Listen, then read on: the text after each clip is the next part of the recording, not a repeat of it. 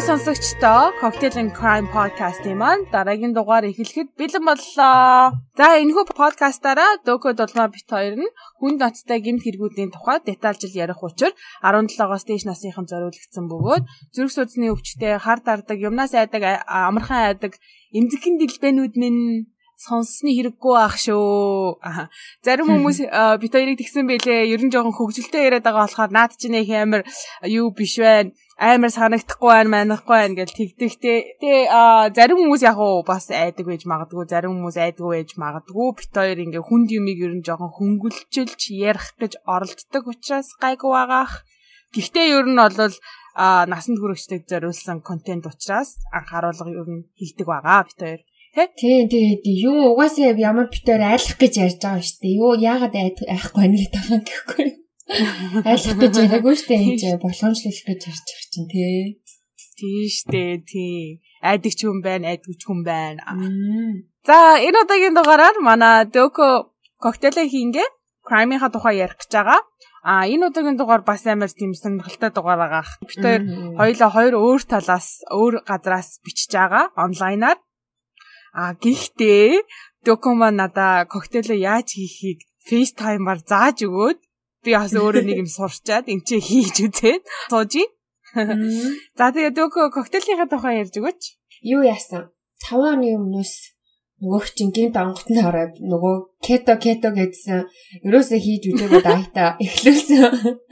Тэгээд дайтанда үнэн чи яхахын тулд кето одоо дэглэн барьж авах хоорондоо ямар ямар коктейл ууж болт юм болоо гэ хайсан чинь зөндөө олон байд юм байна сонголт. Тэр дундаас харж агаад Keto Blueberry Moscow Mule гэдэг коктейлийг сонгоцсон байна. Чиний ямар болсон? Миний миний арай жоохон чихэрлэг боллоо гэж арай өөр амттай боллоо гэж бодож байна. Ягаад гэвэл нөгөө keto keto ч нөгөө нэг сахар хэрглэж болдгоо штэ. Тий танаа кето чин нар чин би болохоор тийм кето метод авахгүй байгаа болохоор зүгээр шууд сахараар хийгээ ийцэн чин жоохон чихэрлэг болох шиг боллоо. Гэхдээ бол таалагдчихээн. Аха. Нөгөө сахар орлуулагч оронд жинхэнэ сахар хийцэн гэж юу? Тий. Мм за за nice nice. Тэгвэл юу юм бэ? Минийх тэгвэл нэг жоохон юм гашуун тоосон аргагүй юм байна угаасаа. Жоохон хэсэглэн амттай болсон. Гэхдээ гоё юм гоё сэргээж юм амттай байна гоё ч өнгө мөнгө нь бол гоё гард юм байна. Тийм байна. Тэгээд Тэ дэглэм мэглэн барьж байгаа хүмүүс байвал бит хоёрын санал болгож байгаа коктейлийг гэртээ туршаад үзээрэй. Тэгээд let us know ямар ах нь тааглаарэ гэж. Аль дугаар дээр хэлээ нэг хүн нөгөө сэтгэл бичсэн байсан шүү дээ. Тойрог дуурайгаад коктейл хийж үзмээр санагдчихж байгаа гэсэн амар хөрхөн. Аа тэр шиг тий тий. Тий коктейл моктейл хийж үзсэн бол битэрийн юу тавьсан жорноос хийж үзсэн бол бит хоёрыг гой зурган дээр тааглаарай хармаар шүү гэж. Тийш дээ. Instagram дээр, Facebook дээр тааглаарай. За за тэр яах вэ? Өнөөдрийн дугаар угаасаа хоёлаа аимшигын урт юм болох байна. Тэгэхээр бараг хоёлаа хоёр хувааж таарах байхаа хөө шууд шууд ярианд орё гэхгүй юу. Тэгээ тэгээ. Өнөөдрийн дугаарт Jeffrey Dahmer гэдэг залуугийн тухай хэд хэдэн сонсогчид ярьж өгөөч гэсний дагуу бэлдсэн байна. Энэ хүний тухай нөгөө би нөгөө гараараа бичдээ штэ одоо нөгөө судалгаа хийж байхдаа амар дээр үе хүн шиг old school. Тэ old school юм болохоор би гараараа бичих дуртай. Тэгсэн нэг шинэвтер бал эхлүүлсэн чинь миний бүр бал дуустал бүр юу 10 дууц юм болоод бүр ээ бурхан минь 2 3 өдөр сууж нэг юм дууслаа. Тэгээд та бүхэн минь а тухлан сууж таалан болгоно гэж. Харин тийм 7 хоногийн дундуур байлөө дээ. Мессеж ичснээ миний бал дуусчлаа штэ яана. Харин тийм өөрөө шоконд ор нэмсэн чинь бүр бал дуусч идэг. Юу вэ? Йоо, за. Тэр яг. За тэгвэл одоо гемт хэрэглүүга шууд оръё. За, гол хэргийн эзэн маань Jeffrey Dahmer гэсэн залуу байгаа штэ. За, Jeffrey 1960 оны 5 сарын 21-нд Wisconsin мужийн Milwaukee гэдэг хотод төрсөн. Аа, ээжийг нь болохоор Joyce гэдэг, ээж нь болохоор дээр үеийн тийм цахилгаан холбооны бичигч тийм төхөөрөмж нэг том том амар юмнууд эдгэсэн ш дээр үед чинь захиа хүлээж авдаг захиа бичиж явуулдаг анхны тийм цахилгаан одоо юу гэдэг электрон захиа бичигч машины тийм зааварлагч хийдэг байж л те. Аав нь болохоор Leonard Dahmer гэдэг нэртэй Jeffrey тухайн үед төрөхт нь биологийн оюутан доктор хамгаалж сурж исэн тийм оюутан байжээ. Сүүлд нь Дэвид гэдэг нэртэй эрэгтэй дүүтэй болдог. Ингээд ам бүл дөрүүлээ. Ийм гэрүүл байсан. Хүмүүс болохоор Жеффри төрхөөсөө л аав ээжийн тийм анхаарал халамж дутууссан. Аав ээж нь хүүгээ өрөөсөө хайхааргүй байсан гэж гэдэг. Гэхдээ Жеффри нөгөө нэг бүх юм дуусаад одоо баригдаад бөө юм болсны дараа нөгөө телевизийн ярьслага өгсөн байсан амар урт нэг маш урт ярилцлага өгсөн байсан. Тэрэн дээрээ өөрөө хэлэхдээ би бол тийм хайр халамжаар дутаж өсөөгүй. Тэр хүмүүсийн ярьж байгаа тэр хайр халамж дутуу анхаарал тавьдгүй байсан гэдгийг нь бол худлаа гэж өөрөө хэлсэн байсан. Тэгэхээр яг аль нь үнэн юм мэдхгүй байна. Тэгтэл ерөнхийдөө ээж нь амар их тийм хэрүүлч одоо нөхтөөгөө хэрэлтгээс гадна хуршүүдтэйгээ хүртэл тэгэж ам өрөөдөг ааштай тийм хүн байсан байгаа байхгүй юу? Джеффриг болохоор нэгдүгээр ангид нь орсон цагаас нь эхлээд ээж нь ерөнхийдөө өөрчлөгдөж эхэлсэн. Яаж өөрчлөгдсөн гэхээр ер нь бол гэрийнхнээсээ зайгаа аваад өө өрөөнөөсөө гарч ирэхээ болоод тийм жоохон depression-д орсон юм шиг те депрессийн юм шиг ер нь өдөржингөө л ингээл унтаал ээж идэг тийм болсон. За энийг болохоор жүжиглэлт байсан уу эсвэл үнэхээр депресс байсан уу гэдгийг бас тодорхойлоход хэцүү. Яагаад тэгэхээр Джеффригийн ээж нь тийм олонний анхаарлын дунд байх туртай эсвэл тийм ер нь л нэг тийм хүний анхаарлын төвд байхыг хүсдэг худлаа өвчин өвчин хэлдэг ч юм өөрийгөө нэг өргөдүүлэх гэсэн хүмүүс эдэг штэ тий. Тийм хүүхэн байсан юм байна л да. Тэнгүүтээ одоо нөгөө нөхөр нь гэрээсээ хол ингээд сургуульд явцсан байгаа штэ. Тэгээд байхгүй байж байгаад гэртээ ирэхээр нь эхнэр нь нөгөө нөхрийнхөө анхаарлыг татах гад ёо өстө би зовж ийн чинь тийч чинь те чи надад анхаарлаа хандуул гэж нөхрийгөө бүр ингэж зай завсаар өгөхгүй ингэж өөртөө анхаарлыг хандуулах гэж ингэж оролддог байсан гинэ. Тэгэхээр ер нь нөгөө нэг үнэхээр тийм депресснээс олж болоод өрөө мөрнөөс гарч ирдэг байсан юм уу? Эсвэл нөхрийнхээ хажуудыг жүжиг тавьдаг байсан юм уу гэдгийг мэдэхгүй. Тийм болоод тэр үедээ одоо нөхрийгөө эренгүүт ээж нь бүх нөхрийнхээ анхаарлыг авчдаг. Тэгэнгүүт нөгөө Джеффри тухайд нөгөө дүүн төрөг байсан болохоор Джеффриг ерөнхийдөө аав ээж нь нүс анхаарал тавьдгүй гэж хүмүүс ярьдаг байсан байж магадгүй. Хүүдээ ерөөсөө аль алинч цаг гаргадгүй гэх тээ.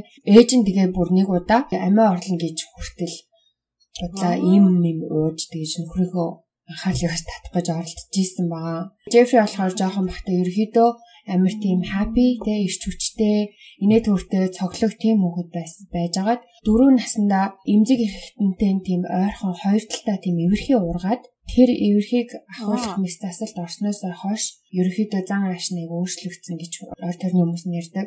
Бага ангита болохоор их хичимхий тийм дуугүй хүүхэд байсан гэдгийг ангийн багш нар нь хэлдэг. Ангийнхаа нэг багш нь тэмдэглэлтэй аав ээж хоёр нь тоодгүй орхигцсон хүүхэд гэж хүртэл тэмдэглэж бичсэн юм бэлээ. Тэгэхдээ ерөнхийдөө бол дунд ангита ороод ахлах ангиас ихсүүлээд ерөнхийдөө найз нөхөдтэй болоо дээрэс нь тийм овооны тийм цоглог сэргэлэн буцаж болж эхэлсэн юм шиг байгаа.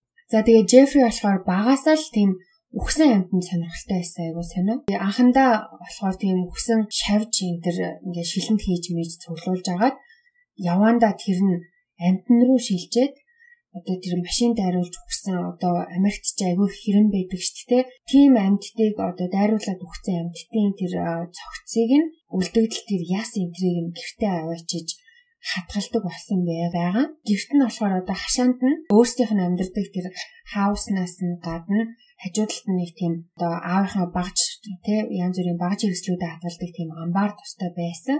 Тэгээ тэнд нь хөвчлэн Жеффри агүй их цагийг өнгөрөөж тэ тэр амьтангуудаа тэнд ер нь хатгалдаг байсан билээ. Тэндээ агүй их тоглодог тийм хүмүүс л тэ.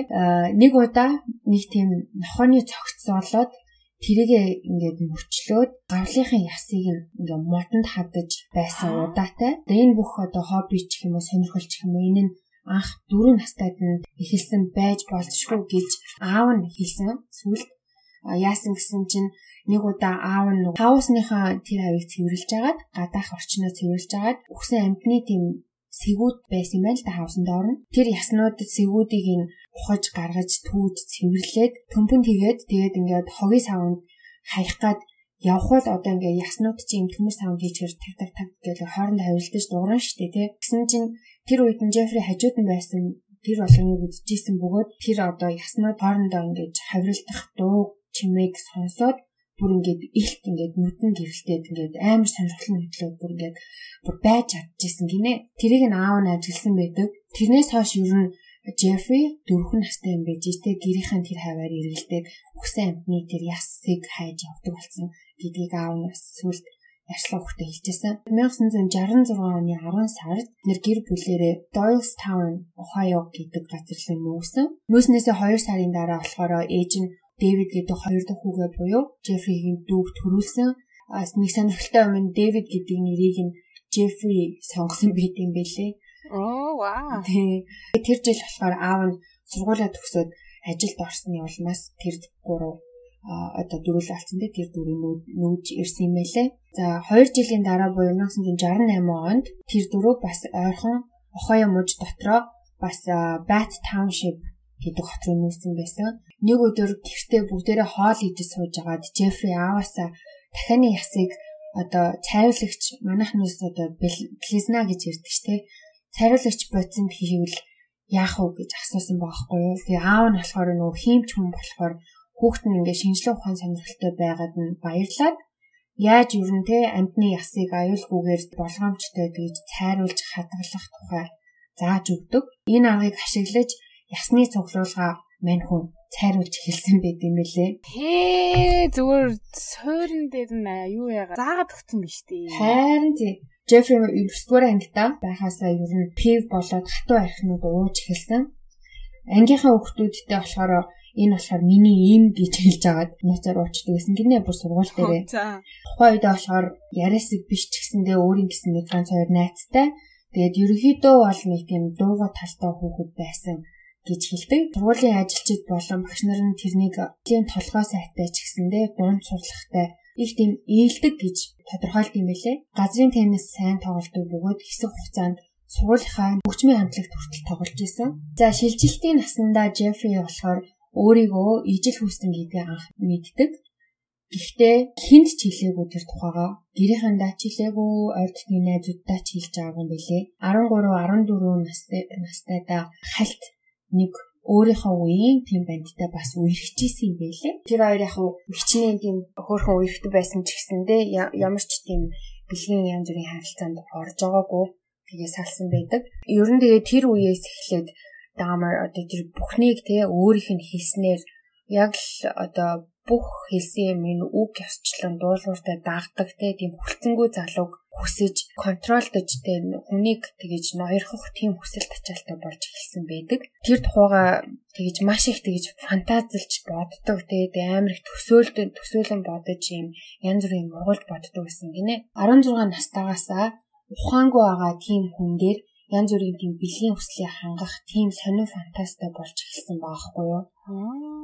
Яг тэр үедээ болохоор анхудаа ийм харж авдаг, өөрт нь таалагддаг нэг тэр хавар гүйлт хийдэг нэг тийм залуу байж л дээ. Тэр залууг бас нэг удаа бүр ингээд отоод ингээд бургасан дунд ингээд цохор арж зогсоо заяа. Нөгөө залуу үжин гүүж өнгөрөхөөр нь араас нь цохиж унагаагаад хүслийг гүйцэлдүүлэндээ гэж хүртэл ингээд Oh my god. бодоод тэгээ тэрийг бүр үйлдэл олохгүй бүр гэтээ хүлээж исэн байхгүй. Тэгсэн чинь тэр залуугийн Аз уулж нөгөө залуу чинь тэр өдөр гүүгээгүй Джеффри тэрний дараагаас тэр залуу дахиж тэгж алах гэж оролдог юм билээ. Ямар амар аттай юм бэ? Oh my god. Ямар амар нөгөө залуу ямар аттай юм бэ? Тийм байгаад. Ястай. Тэгээд 16 таадаа ингээд анх удаа нөгөө ч тэр фантаза одоо үйлдэл болох гэж оролж юм бэлээ. Нөгөө ерөнхийдөө нэг тийм нэх олон найз нөхдөгүй нэг тийм дуугүй хүүхдээсэн гэж хэлсэн шүү дээ. Тэгсэн чинь ер нь ахлах сургуулаа ороод 10 11 дугаар ангиас эхлээд тэр сургууль даяараа бүр тийм класс клан гэж ярьдэн шүү дээ. Тэ ангийн тийм алиа гараад идэв шүү дээ. Балаа балаа яриад алиалаа авч идэв. Тийм хүүхэд болж хувирсан. Яаж тэгж алиалдаг байсан гэсэн чинь хүүхдүүдийг айгүй их пранк хийдэг байсан гинэ. Янз бүрийн тийм хачин дуу аваа гаргаад өрөөлт танхаа хүн шиг янз бүр болж ингэж татаж хонж мундаг интент гинэт. Одоо тийм үйлдэл айгүй их гаргадаг байсан болохоор суулынхаа хүүхдүүд бүр сургууль даяараа тэрийг бүр нэрлэлцэн Дамерден гэж ярьдаг болсон. Тэ тэгээд нөгөө Jeffrey Dahmer чи нөгөө найзууд нь тэ за одоо Dahmer-тчих тэн дээр очиод Dahmer-тчих энэ дээр очиод Dahmer-тчих энтригээс бүр сургуулаасаа гадна бүр дэлгүүр оршоор хүртэл тэрийгэ хийдэ гэд хүүхдүүд явуулдаг болсон юм бэ лээ. Тэгээ жоохон нүүр хагарч харин тий нүүр хагарч эхэлж байгаа юм шиг тий. 17 настайгаас эхлээд ерөөхдөө хичээлийнхэн тэр дүнгууд нь эрс муудаж эхлээд аав ээж нь хувийн багш аваад тавталханд явуулж эхэлт юм билээ. Давталгаанд явуулдаг болсон ч гэсэн тэр нь юусэн амжилт олоогүй. Энэ үед болохоор гэр орны нөхцөл байдал ерөнхийдөө нэлээд муудсан байсан. Аав ээж нь ерөнхийдөө маш их хэрүүл хийдэг те бараг өдрө болгон хэрүүл хийдэг. Гэр бүлээ ер нь авч үлдэхийн тулд хоёулаа сүрх амтан гэр бүл тийм судлаач нар очиж исэн юм байлээ. Тэр оныхоо буюу 1977 оны 9 сард аав нь ээж нь түүний хуурч нэг хүнтэй хэсэг явуулсныг олж мэдчихэд шууд бүр мөсөн салхаар болж байгаа хгүй аав нь 78 оны ихээр аав нь гэрээсээ нүгээд 7 сард нь болохоор гэр бүлээ аль бие осоор буцлуулад тэрний дараах нь ээж нь баг хуваалах нөгөө Дэвид аваад буцаа Висконсин руу тэр хоёр юм байна. Тэгээ аав нь болохоор тэр үед гинт салсан болохоор салаа тэр дороо шууд нөгөө нэг гэрийнхэн ойрхон байсан. Дэм буудалд очиж буудлаад ингээ аав нь гараа явцсан, ээж нь хаяа явцсан дүүгийг аваад тэнгууд тэр үед нөгөө Джеффри болохоор өөрөө 18 нас хүрчихсэн байсан учраас гэртээ үлдэхээр болдог. Тэгээ ганцаараа гэртээ үлдчих байгаа хгүй юу. Ерөнхийдөө бол аав ээжийнхээ салалт Джеффрид тэгээ маш хүнд цохилт болсон. Тэгээд их хүн дээр нөлөөлсөн гэж өөрөө дараа нь ярилцлагандаа бас ярьж исэн. 16 настайгаас нөгөө архиуж эхэлсэн байсан шүү дээ. Аав ээжигээ салах үед нь болохоор тэр нь бүр илүү хурцтай тэгээ бүр сургууль дээрээ бүр ингээд байн шахуу согтуу очдог болсон байсан. 78 оныхон 5 сард арай хич нөгөө хүчин ахлах сургуулаа төгсд юм бэлээ. За 1978 онд буюу сургуулаа төгссөн жилдээ сургуулаа дөнгөж төгсөөд 3-7 оны дараа даамар анхныхаа гэмт хэрийг үлдсэн байсан. Америкт болохоор нөгөө юу яд нь штэ ахлах сургуульд орсноос нь эхлүүлээд нөгөө машин барихыг заагаад хүчтэй штэ. Тэгэхээр чи нөгөө хүүхдүүд 15 6 таас машин бариад эхэлдэг дээ. Машинаа бариа явцдаг. Машинтай залуу байсан байгаа хгүй юу? Машинтай ганцаараа бүтэн хаустай. Хичнээн те 70 он ч гэсэндээ айгу баян цатгал амьдарч исэн байгаа тий. Гэн гэн амьдарч исэн байна. Нэг өдөр машинтагаа нөгөө чи явж агаад зам дээр ингээ гараа өргөд зам төхий гэдэг нөгөө хүмүүс байж идэв штэ. Тэр машин чи ховор тий дагдаж явдаг. Тийм замын унаанд дагддаг хүмүүсийн нэг болох Стивен Хикс гэдэг 19 настай өөрөөс нь ганцхан ах тийм залууг харчаад машиндаа суулгадаг байхгүй юу? Стивен болохоор тийм рок концерт руу явж исэн. Тэр тухайгаа хэлсэн чинь Дамер хоёлаа манад очил да манад арх байгаа хоёлаа тэгээд манад нэг жоох ууж байгаа би ч юм ургэд үе гэж хэлээд гэрлүүгээ авч явсан баа. Гэрлүүгээ аваачаад жоох ууж ийснаа Стивен за одоо явъя юм аа гэсэн чинь Джеффри явуулахгүй гээд тэгээд тэр хоёр жоохон тийм маргалдаад Стивен ингээ цаашаа аваа сууж исэн чинь араас нь 5 кг-ийн тийм гантилаар амар хүчтэй толгоор нь хоёр удаа цохиж унгаагаад одоо тэгээ ухаан алдчих штэ цохоо. Тэгсний дараа хоолойг нь боогод алт юм билээ. Ай. Тэгээ хамаг хувцсыг нь тайлаад дээр нь зогсож байгаад Джеффри гар хангалаад хийсэн байдаг. Аа нөгөө ч маргааш нь тэрнийхээ биеийг нь бейсмент дээр буюу нөгөө нэг газрын түвшнээс доод давхартыг өрөөндөө мөчлөөд гэрээсээ хашаанд гүйхэн булдаг. Хэдэн 7 хоногийн дараа буцаж нөгөөхөө гаргаж ирээд махыг нь ингээ яснаас нь саалгаад мах арьс хоёрыг нь болохоор хүчлэнд хийж бутлаад Тэгээ 0 руугаа урсгасан байгаа. Ясыг нь болохоор ингээд алхаар баахан нүдэж нүдэж жижиглээд гэрэг хашаанд тарааж хайсан гэдэг энэ тухайгаа сүүлийн тэр миний хэлжсэн ярилцлаганда бас хэлсэн. Аа.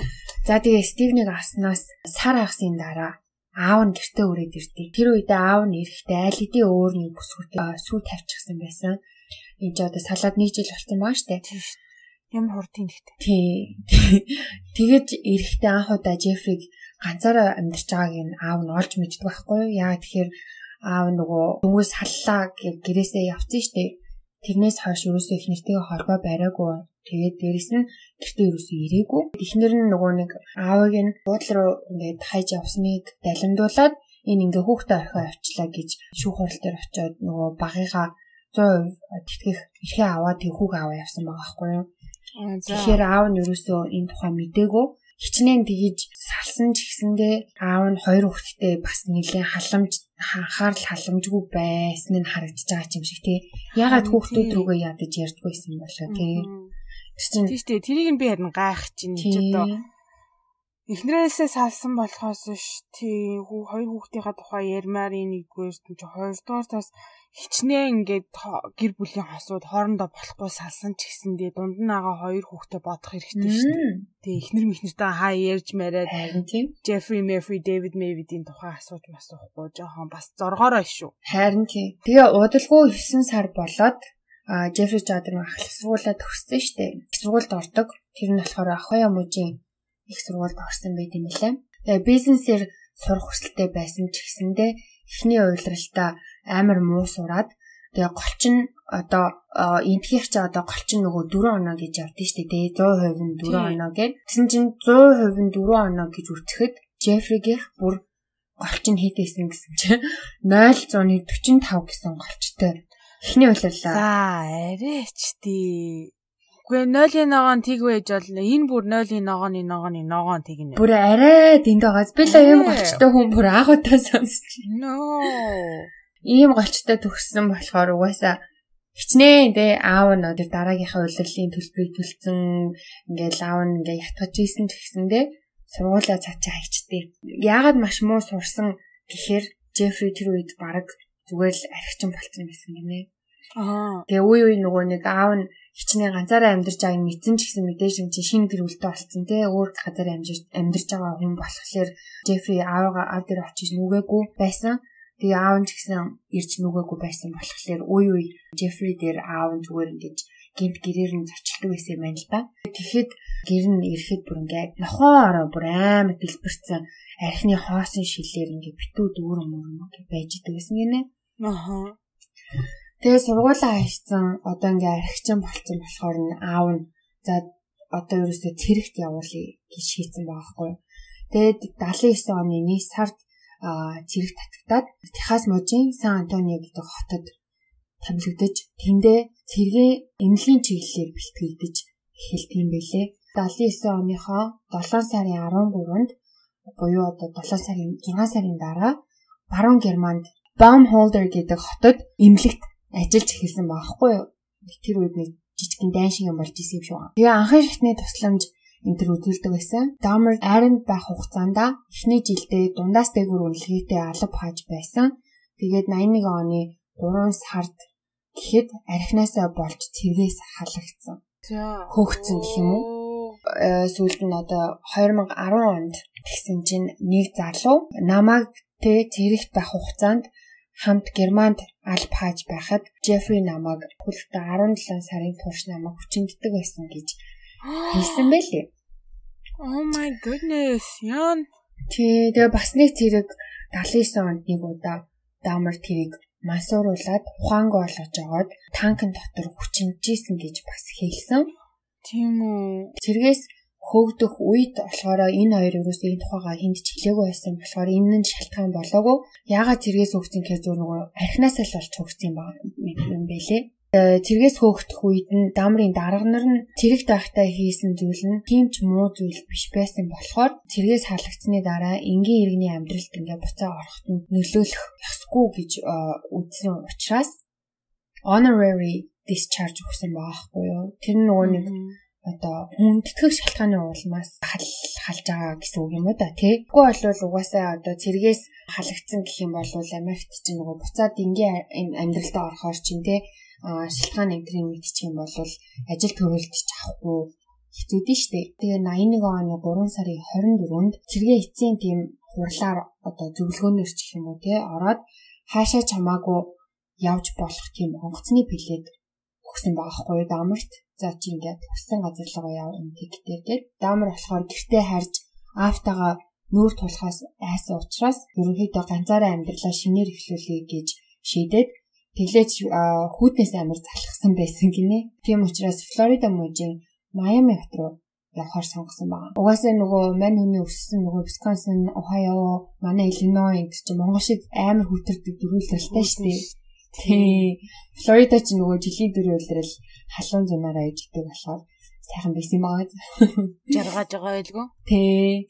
Тэгээ Майамид очиод жижигхэн тийм сэндвичний газар ажилд ороод тэгээ бас тийм бодолт бодлоо. Кик цалангаараа нөгөөх чинь ахаа удуучдаг байсан болохоор төлбөрөө төлж чадхаа болоод төлхөө нөгөө буудлаасаа хөөгддөг.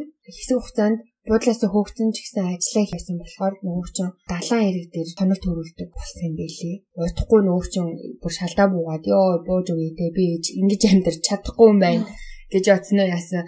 Ааруугаа залгаад би хойороо тэгээ гэлүүгээ би буцмаар юм гэж хүсээд тэгээд гэрлүүгээ буцсан юм билээ.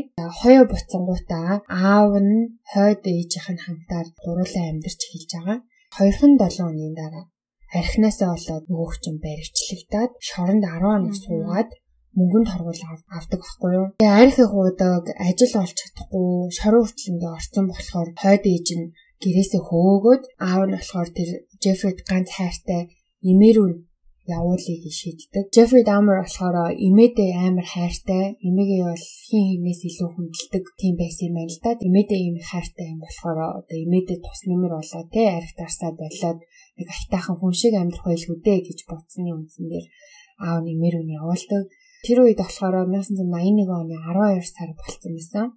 Анхандаа Дамер овоо хүн шиг имэдэд туслаа те сүмрүү явахт нь хань болоод гэр орныхын ажилд нь сайн туслаад эмэг ихээ үгэнд ороод ажил төрөл амар итгэвтэй хайж магаад гүдэг гэсэн юм л да. Гэхдээ яг хажуугаараас уугаад тамхи мөнгө татдаг байсан. Тэр тэрийг бол болоогүй. Зүгээр яах вэ? Тий. Тэрийг бас болоогүй. Гэхдээ удахгүй Дамар Милвокигийн цусны төвд ажилд ороод нөгөө цэрэг тахтай эмнэлгээр сурсан болохоор тэндээ 10 гаруй сар ажиллаад ажлаасаа халагдсан. Тэр ажлаасаа халагдсанаасаа хойш 2 жил ахиж хизээч ажилд орж чадаагүй. Тэгээд 2 жилийн турш эмээгийнхээ өгсөн мөнгөөр амь зуудаг байсан гинэ. Тэгээд тэр нөгөө сүүлийнхээ ажлаасаа халагдахынхаа өмнө хүн 82 оны 8 сарын 7-нд даамар баривчлагтаад торгуулад өнгөрч исэн байгаа байхгүй юу. Тэгээ юунаас олсон бэ гэсэн чинь нөгөө балаачин нэг паркт эмэгтэйчүүд хүүхдүүдээс бүрдсэн тийм 25 хүмүүсийн өмнө шаалталчихна. Шаалталч үзүүлсэн гэнэ. Чармаа зөнгүүс юм авгарсан юм би яасан. Тэр нөө солонгос кинон дэр гардаг шүү дээ. Гаж тантай хүмүүс тов хүмүүссэн ингээл нээгээл хаагаал нээгээл хаагаал. Тэр шиг эргэлзсэн юм шүү. Цэцгийн Монголд ийсэн тим ах нар явдаг байсан шүү дээ. Яна тийм үү? Тийм манай манаг энэ 100 100 айлмал хаваар амар тийм ах нар явдаг байсан шүү. Таах тийм үү? Ерөөс мэддэг юм байна. За нөгөөх чинь явж явж авгаад 85 оны 1 сард арай их нэг Милокигийн тийм шоколадны үйлдвэрт одоо 2 жил хагасны дараа ажилгүй байж байгаа ажилд ордог. Тэгээ тэр ажилдаа болохоор 7 оны 6 өдөр тэгээ шөнийн ээлжинд гардаг. Шөнийн ээлжинд болохоор шөнийн 11-ээс өөрийн 7 хүртэл тийм ажиллах ээлжтэй байсан юм байна л да.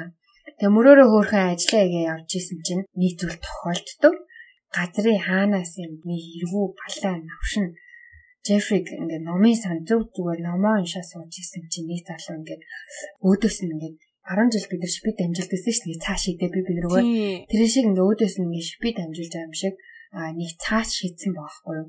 Тэгээ тэр цаасыг ингээд дэлгээ уншсан чинь би чамд аман секс хийж өгье гэсэн тийм бич байсан гинэ. Джеффри нөгөө тэр залууд тухайн үедээ хариу мариу өгөөгүй тэр үйл явдалд ямар ч тийм хариу үйлдэл үзүүлээгүй ч гэсэндээ тэр нь одоо бүх тэр багийнхан тэр балер тэр бүх фантаснуудыг ингэж эргүүлээд толгоонд нь амар хүчтэй эргэлдүүлдэг болсон гинэ. Балаагаа нөгөөхөө ингээд жоохон умартсан багт ингээд сэдрийг хайцсан. 6 боддог байсан ямыг сэдрийг хайцсан биш дээ. Тэгээ тэрнээс хойш нөгөөх ч тэр хавьд байдаг тийм ижил хөрснүүдийн баар, дэлгүүр гэх мэт тийм ер нь ижил хөрснүүдийн хээрээ эргэлддэг газруудаар явж эхэлсэн байгаа. Нэг удаа дэлгүүрээс заяо ийм эрэхтэй манекен улгаалаад хувц өмсүүлээ тавьсан байдаг манекен юм байна. Яа яах чагаа.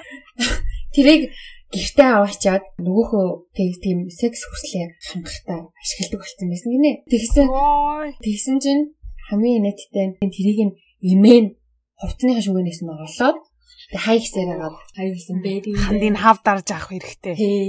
1985 оны сүүлээр нөгөө чи ижил үснүүдийн ордог тийм саунд дандаа ордог болсон гинэ. Тэнд мэдээж хүмүүс тэгэж нууцаар ч юм уу тэгээ тийм бэлгийн хавталтын тэнд ингэж их орцгоод байсан юм байна л тийм газар байсан юм байна. Тэгээд нэг удаа нөгөө чиний залуутай унтчихсан юм байна л да. Тэгээ яг ингээ харилцаанд орж байгаа хооронд нөгөөтг нь одоо хүн л болсон хөдлөн штэ тэгээ Жеффри ингээд бити хөдлөх гэсэн ч гэсэн нөгөөх нь ингээ жоохон хөдлөдсөн гинэ. Тэгэхээр чи нөгөөх чинь Жеффри амар дургу Тэгээ бүр амар уурлаад тий хөдөлмөрлөлтэй ингээд зандраад идэг гэсэн гинэ. Яванда 86 оны 6 сараас эхлээд Джеффри чинь харилцаанд орж байгаа тэр залуучуудынхаа уух юмд нь эм хийж ухаангүй болгож байгаа хүчинтэг болж эхэлсэн байлээ. Барагцаагаар 12 удаагийн тэм тохиолдлын дараа хил ам дэгдэж эхэлж байхгүй тэр саунд тэр чинь аргагүй штэ тий тэгээ тавтамжтай тийм болоод хар хүмүүс чинь бас ингээд гайхах штэ юу болоод ингээд гинт би ингээд унтаад байна. Тэ нэг зэрхээр ингээд янз бүр болчиход байна гэх. Тэрнээс болж нөгөө саунд орох эрхээ асуулдаг. Тэгсэн ч гэсэндээ нөгөө чинь тэр үйлдэлээ цочт буудлуудаар явж хийдэг болсон юм байгаа байхгүй юу?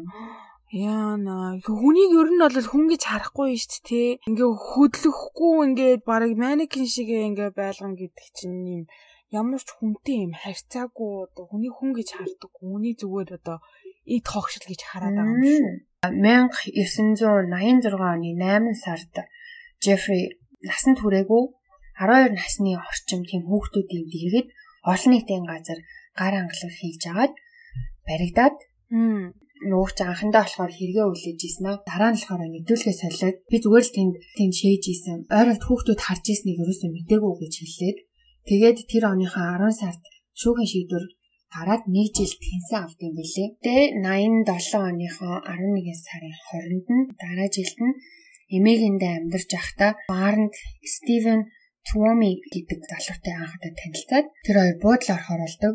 Буудалд ороод хоёлаа ууж агаад дамар өглөөнөөс ирсэн чинь Туоми орных нь хөлтөн цээжин төмөрч төмөрцөн баахан хөхний цолцсон тэгээ амнаас нь ингээд цусгооч зэвчихсэн гинэ.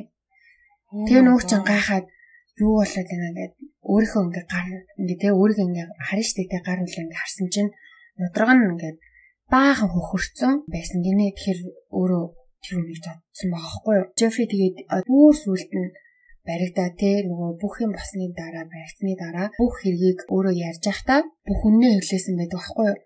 Гэхдээ энэ тухай өөрөө бүр үнэнгээсээ бүр ингээд за би бусданд нь те хариуцлага өөрийг бусдын бол би хийсэн а энийг бол би харин үнэхээр юу басныг юусоо санахгүй байна гэж хэлсээр л хийсэн. Би уг нь тэрийг алах ямар ч тийм санаагүй байсан. Бусдын адил зүгээр юм өгч ухаангүй болгоод тэгэл нөгөө хүч хэлжэл тэгэл явчих гэж утсан. Юу болсныг өстө бүү мэд гэж бүр ингээд хүүхдлээ тэрэндээ ингэж бат зогссон. Oh my god, бүр тасарсан байсан. Black out.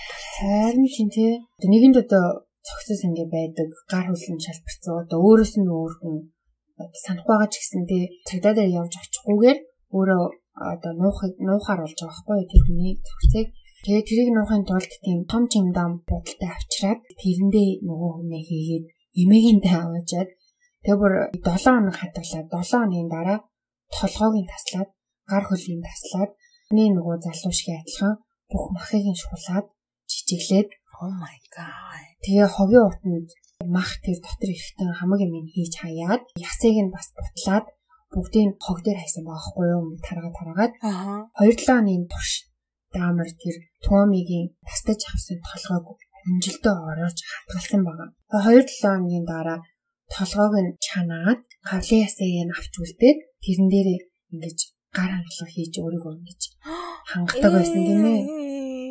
Тэрнээсээ ингээ бэлгийн таашаал аваад байна. Заваарсан юм би. Амар агаад Тэгсэн чи яванда нөгөөний гавлын асан нөгөө чан толгойн чанахтай нөгөө хими юм хийцэн одоо хүчил хийцэн. Яснаас нь салах гээд. Тэгсэн чи нөгөөх нь аваачаад хэд хоногийн дараа нөгөө ясанд нь нөлөөлөөд ясны үүрээд айгүй хэврэг болоод тэгээд үүрч унаад байсан болохоор хаяхаас өөр аргагүй болсон гэж аахгүй юу. Туамиг аснаас 2 сарын дараа Жеффри 14 настай тин индиан гаралтай эрэгтэй бие үнэлэгч болох Джеймс Докстер гэдэг залууг гэртээ би чамд 50 доллар өгье. Би чиний нөхцөн дургийг чи авъя гэж хэлж аваачаад илийн харилцаанд орж агаад амар тэрийг уух юмд нэм хийж унтуулад унсныхан дараа хоолойг нь боож олоод дахиад 7 хоног гэрээхээ тэр бейсментэд бас байлгсан байхгүй юу.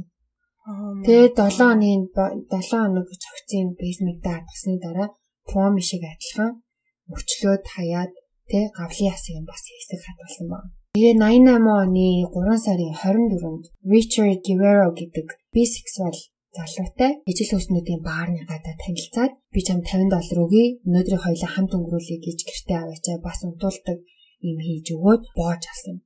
Тэгээ өгснийхэн дараа даамар түнд аман секс хийж өгсөн байна.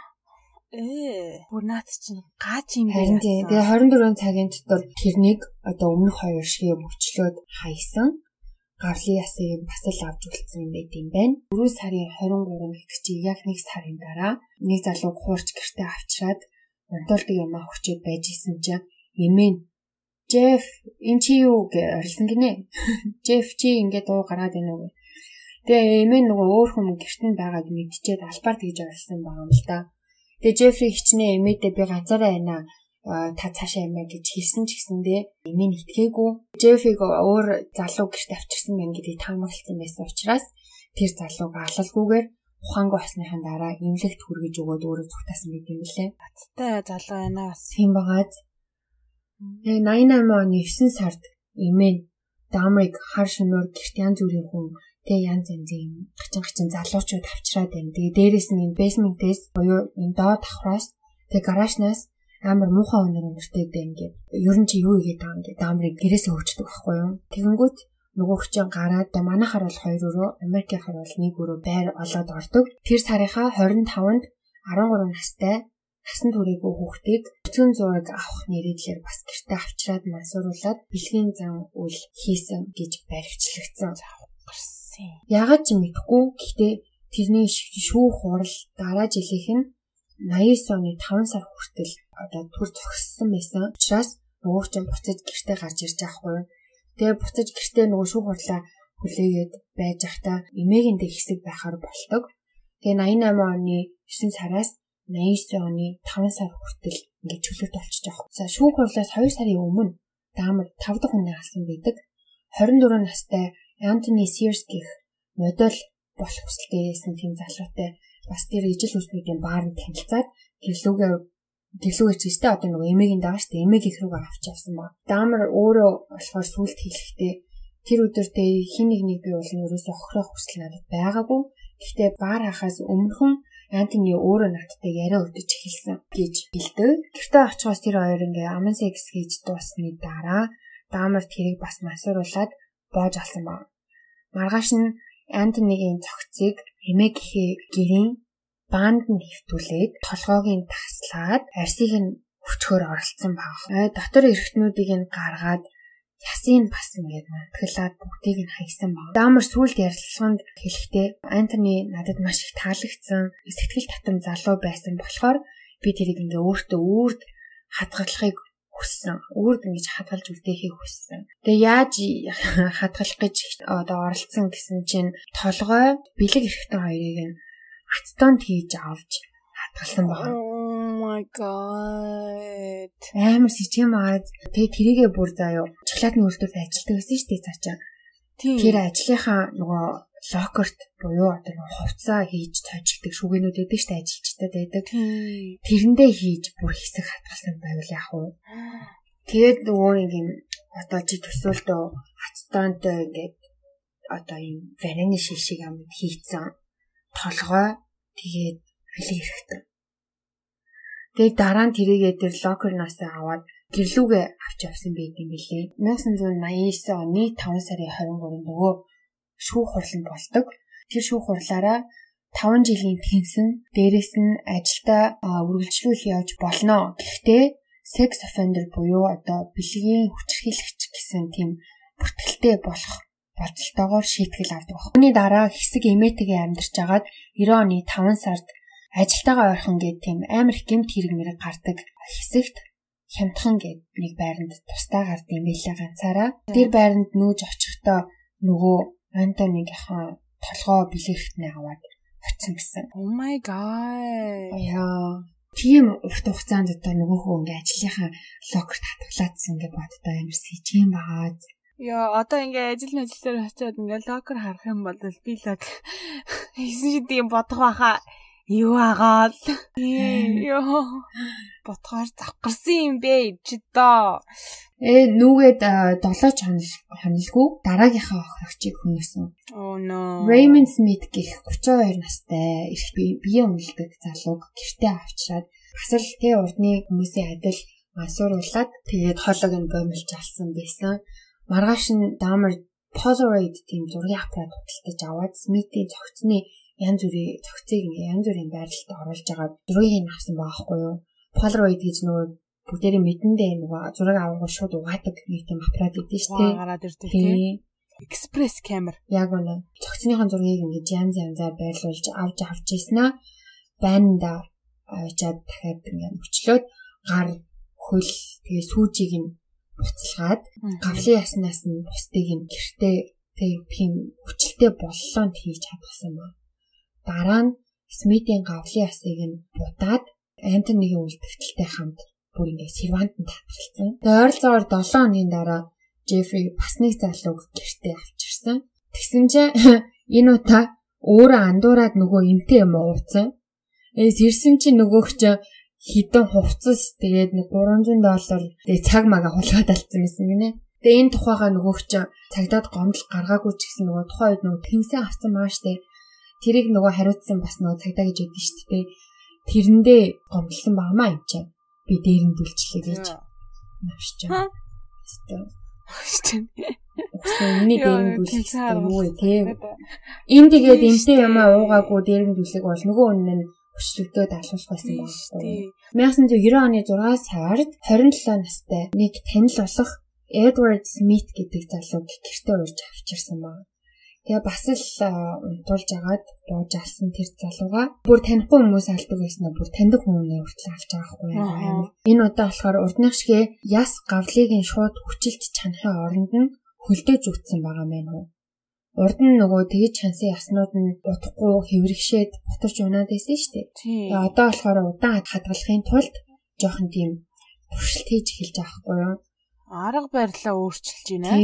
Тэгээ хэсэг хугацааны дараа нөгөө хөлдөөсний толгоо тэр юунуудаа гаргаж аваад тэгээ хөлдөөхөр нөгөө чиг нь гадагшлахгүй байна гэж үтсэн болохоор тухайкнд буюу нөгөө шархшуугинд хатаах гэж бас хийж оролцсон байна. Oh my god. Йоо, юу ирээд ав бэ? Харин тэгсэн чинь нөгөө юм нөгөөх нь аваачаад дэлбэрсэн.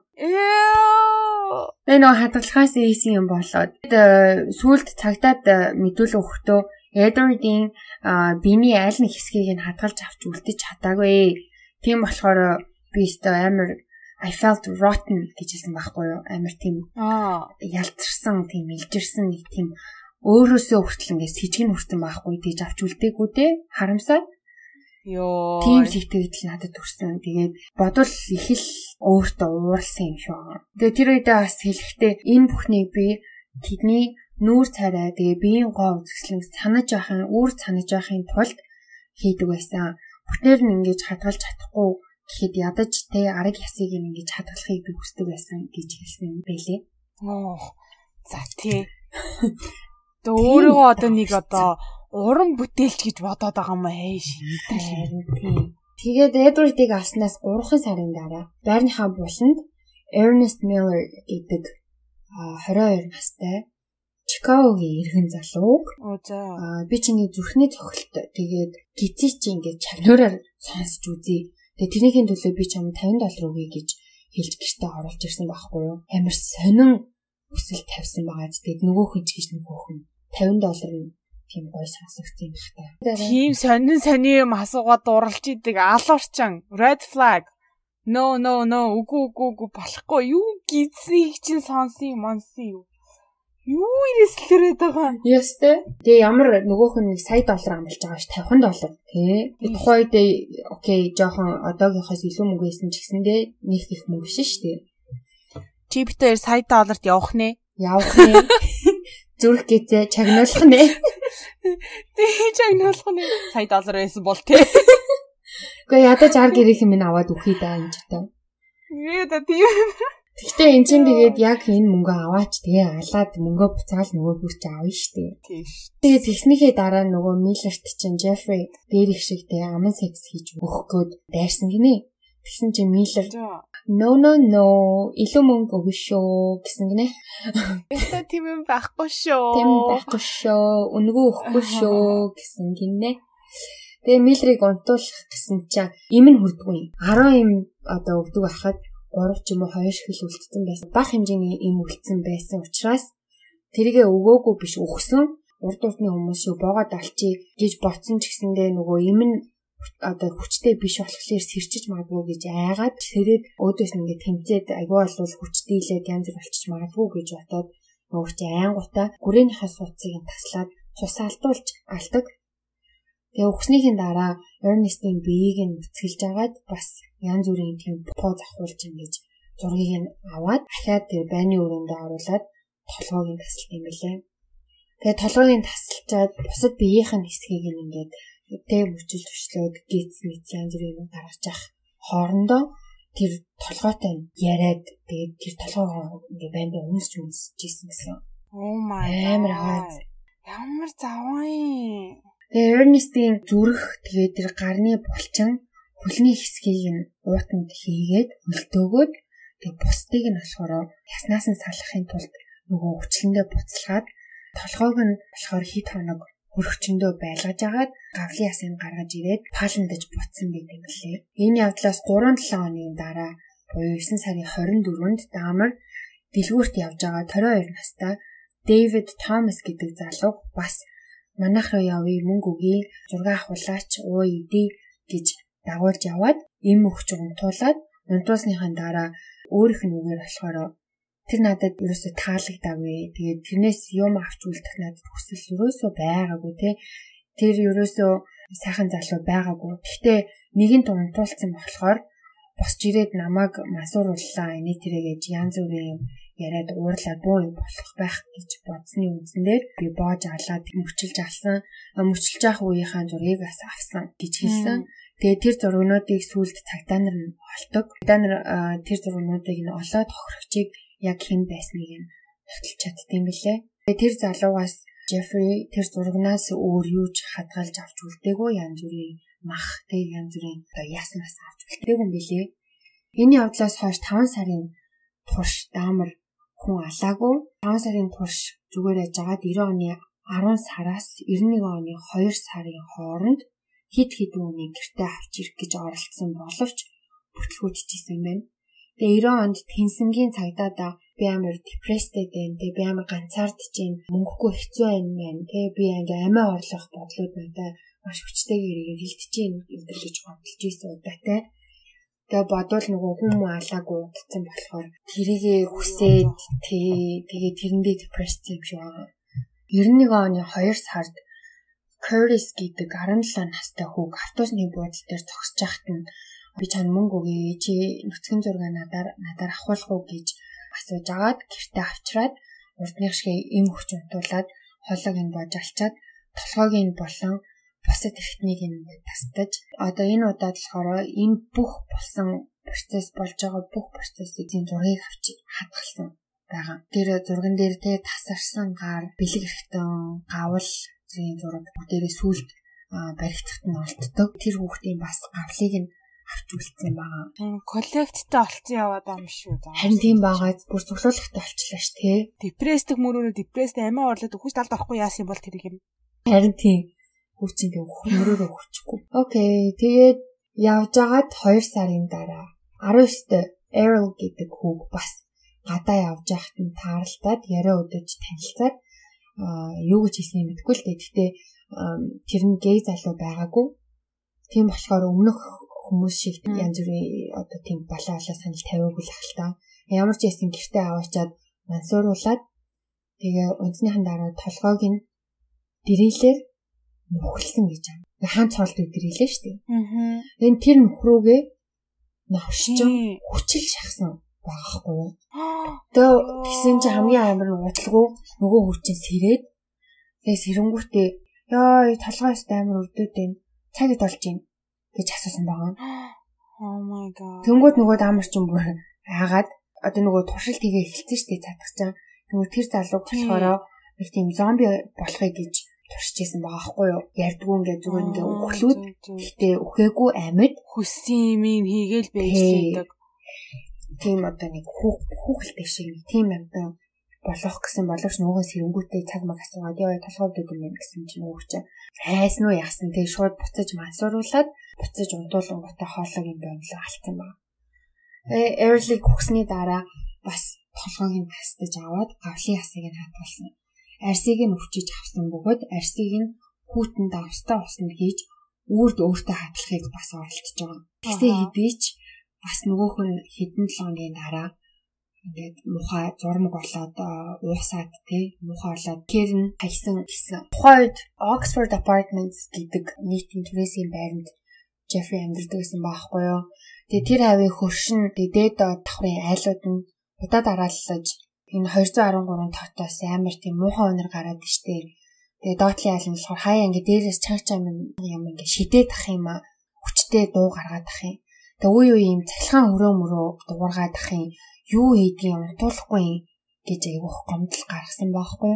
Тэгээ тэр гомдлын дагуу барилгын менежер тэр гомдлыг даамарт хэлсэн чинь даамар оо миний хөрөгч ивдрээд тэгээ хит хонцсон тэгээ доторх юмнууд нь муудаа тэгээ муухай нэртэй байгаа маа гэж хэлсэн байгаа. Тэгээ дараа нь ахиад гомдол гаргасан чинь миний тижээдэг нэг хитэн загас идэг тэтэр маань хөгцсөн юм аа би тэгээ одоо бушуухан арга хэмжээ авъя гэсэн гинэ. Мэдгүй би загас тижээдэг болохоор мэдхгүй юм үгсэн загас тийж амар өнөртөн гэж үггүй шүү дээ тий. Том загасыг гаргаж ирээ тавиул юу гэхээс би бол багтаа зөндөө загас тижээдэг байсан. Тэгэж өнөртөн. Дээд доод ахвар махвар тий хажуугийн айл руу хүртэл өнөртгөө шүү дээ. Тийм тэнэг юмд нөгөө барилгын менежер юм ч гэсэн окей гэж тэгж явж л яддаг тий. Хүмүүсээ итгэж болохгүй байхын шүү. Загас үхээд ингэж үнэрсэн гэх юм бол харин тий. 91 оны 5 сарын 26-нд Тохиолдлоор бас нэг гудамжинд зүгээр явж исэн 14 настай Конерак гэдэг хүүг яриа өдөж агаад би зургийг чинь Polaroid-аар авах гэсэн юм аа. Би зурагчин байгаамаа. Бас мөнгө өгье гэж худлаа хэлээд гэр орондоо аваачаа бас ийм өгч унтуулангуудаа Конеракт бас амин секс хийж өгсөн байгаа.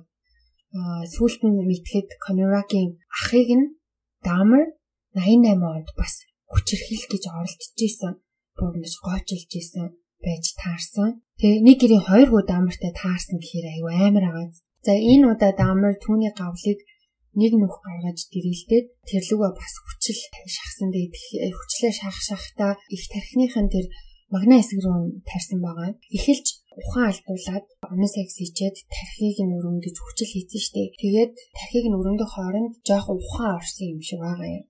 Хүчил хийсний дараа хэсэг орон гарan манарцсан байх үед нь Конеракийг Джеффри чирж унтлахынхаа өрөө рүүгээ авч орсон. Тэгээд даамын хэлснээр болохоор Конерак миний унтлахын өрөөнд шалан дээр нүцгэн өвчижсэн цогцыг харсан гэж би бодож байна. Гэтэ тэр ямар нэг үйлдэл гаргаагүй л дээ. Нилээ манартай байсан болохоор бараг тэр хүн байна гэж анзаараагүй хаа гэж ярьсландаа хэлсэн баг. Аа. Тэр цогцсон гэсэн чинь даамрын 3 хоногийн өмнө алсан 31 настай тооны гихч залуугийн зөгцөс зүгээр ингээ орон дээр нь орныхаа үлд нэвчээсэн. Тэгээ тэр нь бүр ингээ хөөгөөд ингээ бүр мухайлцсан байсан зөгцөс. Тэхүү конорак буцаад ухаан алдаж унсан байна. Тэр хооронд даамар ганцаараа баахан пэ уугаад уухан минь дууссан чинь нэмж арх уух гад ойрхон байдаг баар руу явдаг. Тэгээ ууж агаад үүрээр гэртээ ирсэн чинь конорак заяо байрынхан гадаа тэр гутамжныхан буланд нь заяа ийм гурван эмэгтэй юм яриа зогсож ирсэн нэ энэ чинь одоо толгой дахиад ирээлдүүлээ хүчил хийлгцэн юм шүү дээ. Тэр нөгөө эмэгтэйчүүд бүр ингээм амар сандралтцсан ингээ хараа зогсож ирсэн байхгүй. Тэгээ даамар шууд очингуудаа өө энэ манай найз байгаа али явъя гэх коноракийг одоо авч явах гээд гарнаас нь чангасан чинь бид гурав цагтаа дутцсан гэдгийг хэлдэг. Тэгээ хоёр цагтаа ирсэн чинь даамар амар тайвнаар те өө энэ миний 19 настай найз залуу байгаамаа бит хоёр жоохон юм дээр маргалдаад энэ маань жоохон хэтрүүлээ уучиж. Тэгээ уухаараа жоохон ингэж идэм аа гэж хэлсэн баа. Хоёр цагтаа Тэгсэн нөгөө гурван хүүхэн чинь бүр ингээд амар уурлаад тэгээ нэг нь цагдаа нарт тэр залуугийн өгзөгнөөс нь ингээд цусгоочсон байсан гэдгийг хэлдэг. Тэгээ сая даамаа гэрлүүгээ авч явах гад ингээд гар үлнээс нь чангаасан чи ингээд эсэргүүцээд явахгүй гэдээсэн гэдэг тухайс хэлдэг байхгүй юу. Тэгсэн чинь цагдаа нар тэр гурван эмэгтэйг өөдөөс нь загнаад Энэ бол гэр бүлийн асуудал байна тий. Чи та нар зүгээр амаа тат хүний хэрэгт битээ орооц л та тий. гэж загнаад тэр гурван хүүхнийг явуулсан байгаа байхгүй юу? Тэгээ тэр хоёр цагта нөгөө хүүгийн чинь альчуураар хуцаад даамрын герт нь тэр хоёрыг хүргэж өгөхөр явж байгаа. Тэр хоорондоо энэ хоёр яг амрагууд мөн үү биш үү гэж бас ботсон юм шиг байгаа юм шиг. Тэгээ асуу хэдэн асуулт асуугаад одоо тэгээ нэг тэрээ гээд нөгөө Конеракийн тухай асуусан юм шиг байгаа. Тэгсэн чинь даамар шууд анх Конераки гэртээ зургийг чи авчирыг гэж авчирч исэн болохоор бахан зураг авцсан хоёр бахан ч гэж нэг хоёр ширхэг дотор хувцастайгаа байхад нэг хоёр зураг авцсан. Тэрийг гаргаж ирж үзүүлээд маа энэ харалтаа миний найз залуу гэдэг чинь үзүүлээд тэгсэн тэр хоёр нь угаасаа итгэждэг. Тэгээ тэр хоёр гэрт нь оруулж өгөхөд гэрээс нь нэг тийм эвгүй үнэр тэднийхээс үнэртэж байсан гэдгийг сүүл хэлсэн амар тэнэг. Бодвол одоо нөгөө хүний биений илжирж байгаа үнэр чинь нэг тийм ямар ч үнэрээс илүү өөр штэ. Тэгээд тэр үнэрийг нэг удаа үнэртсэн хүн ямар ч үнэрээс ингэж ялгадаг болчдөг штэ тий. Амьтныхаас жил бараг ингэ ялгадаг болчдөг штэ. Тэгээ бодвол энэ хоёр цагтаа ерөөсөө тийм хүний цогц үнэртэж байгаагүй хоёр цагтаа байсан юм шиг байна тий. Ууг нь те арай нэг тийм цогцос центр үнэрлжсэн тийм үнрээ ялгаж таньдаг цагдаа нар байсан бол бас шал өөрөөр ирэх байсан баг. Би энэ саяхан бүр саяхан заяа юу уншиж ирсэн. Даамрын тухай нэг даамартай холбоотой энэ даамрын кейс ингээд нэг шин юм мэдээлэл ирлээ мэрлээ гэхээр би одоо энэ чи аль хэзээ баригдаж маригдаад энэ чи яасын бол гэд зүгээр ороод үзсэн чинь энэ хоёр нөгөө нэг цагдаа биш тэ Connecticut-ыг очиж ингээд шалгадаг хоёр цагдаа Тэр хоёр цагдаагийн тухай бичсэн тийм жижигхэн нийтлэл байсан байгаа байхгүй. Тэгсэн чинь тэр Джон гэдэг цагдаа нь болохоор юу яасан гэж илээ. Саяхан тэтгэвртэй гарсан. Тэгээ хоёулаа тэтгэвртэй гарах гарахтаа амар тийм олон 9 шидийн мундаг цолтой тэтгэврт гарсан гэж байгаа байхгүй юу? 2005-аас 2009 он хүртэл тухайн хоттой одоо Милвокид цагдаа нарын холбооны бүр тийм ерөнхийлөгчөөр ажиллаж исэн гэсэн. Тийм. Эднэр тэгээд ажлын амир хойроо хийсэн байгаа байхгүй. Одоо тэгээ хүмүүс нөгөө нэг амир их сэтгэл үлдээгээд энэ хоёр цагдаа ихтэй за окей шорон оронд хийдгүү маа гэхэд наад юу яасан цолыг нь тэгж амир олон том том цолыг нь хурааж авах хэрэгтэй. Тэд нар бол ийм цол авах ёстой хүмүүс биш одоо тэр цолын одоо тэ нэр төрийг үнэхээр гутааж ин цагдаа нарын нэр төрийг гутааж ин гэж амар болол эсрэг хэлсэн байсан. Ним ч би тэгээ бодж илээ өгөөнд үнэхээр ингээд даамрын тийм даамрын юуг яатсан бол хавтас сэргийг нь сөхөөд одоо эмэгчүүд чинь зүгээр машиндаа ороод компьютер дээр бүтэн нэр хийгээл гаргаад ирдэн штэ. Ялангуяа бүр ингээд юу яатсан хүчирхийлэгч мүчирхийлэгч гэсэн бүр тийм тодотголтой хүмүүс бол хамгийн дөрөнд өстө дин дин дин гэл гарч ирнэ штэ. Тэгээ энэ хоёр шалгаагүй. Энэ хоёр амир зүгээр залхуурсан. Тийм бас би тэгж ботсон. Бас эн чинь нөгөө нэг арьс өнгөний үзэл бас амар оролцсон байж магадгүй. Ягаад гэвэл хоёр шар цагдаа хоёр энэ нөгөө шар залуу. Тэгэл энэ Connecticut гээд банд чинь болохоор юу Аз те? Лаос хүүхэд байсан Тэгэл ёо бас бодж илээ энэ үнэхээр энэ хоёр зүгээр хатас цэргийг нь хальт хальт нэгэд үдцсэн бол үн жоохон бацаан. Те юм энэ хідэн настай юм би 30 40-тэй юм уу ийм том залуутай амраг явдал амрагийн явдалтай байна гэж байхгүй шүү дээ. Тэгсэн бол бас нийл нэг биш нилийн идэг хүмүүсийг аврах байсан баг. Хэлээ. Нөгөө нэг оруулж өгөхдөө үнэр үнэртэй зэнсэн шүү дээ. Яг бас болоогүй тэр чинь тэр хоёроос нэг нь гэрт нь хальт ингээд толгоогоо оруулж ингээд тойруулж хальт харсан байгаа байхгүй юу? Гэхдээ юу ч хараагүй. Тэр чинь одоо нөгөө айл өрөөндөө ч одоо хаалга нэг юм. Тэрний өрөөнд хамаг балеринууд байгаа штэ. Тэгснээ даамар сүулт нөгөө нэг ярьсан хөхтөө тойруулж харсч гэжтэй хальтал харсан. Бараг 1 секунд л ингээл гэл одоо дүлээ гланс хийгээл өнгөрсөн гэж хэлдэг юм билээ. Тэгээ явхдаа бүр амар балер даамрыг за чи тэрийг сайн халамжлаарай гэж хэлээ явцраасан юм. Йоо, ёста мал юм аа. Тэр хоёр тэний цагдаагийн нэрийг бүр хэлмээр энэ та нар гуглдээ үзээрэй. Тийш нь явж илээ шүү. Америктаага хүмүүс ахын бол бүгдээрээ сайхан гар хөлийнхөө өсхийг зураад энэ хоёрыг цолыг нь татан болгох хэрэгтэй. Нэг нь болохоор Joseph Gabrish гэдэг залуу нөгөө хүн John Baltzerza юм уу да Baltzerza юм уу Posh юм шиг нэртэй тийм хоёр байна шүү. Джон Балсерзак гэдэг нь залуу чиний яриад байсан. Та нарын холбооны ерөнхийлөгч хүртэл хийж байгаа цайхан тэтгэвртэй гардаг байхгүй юу?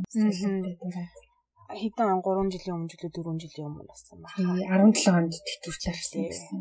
Мм. Oh gosh. Америкийн цагдаа чинь кинон дээр гардаг шиг мундаг гарууд биш ээ.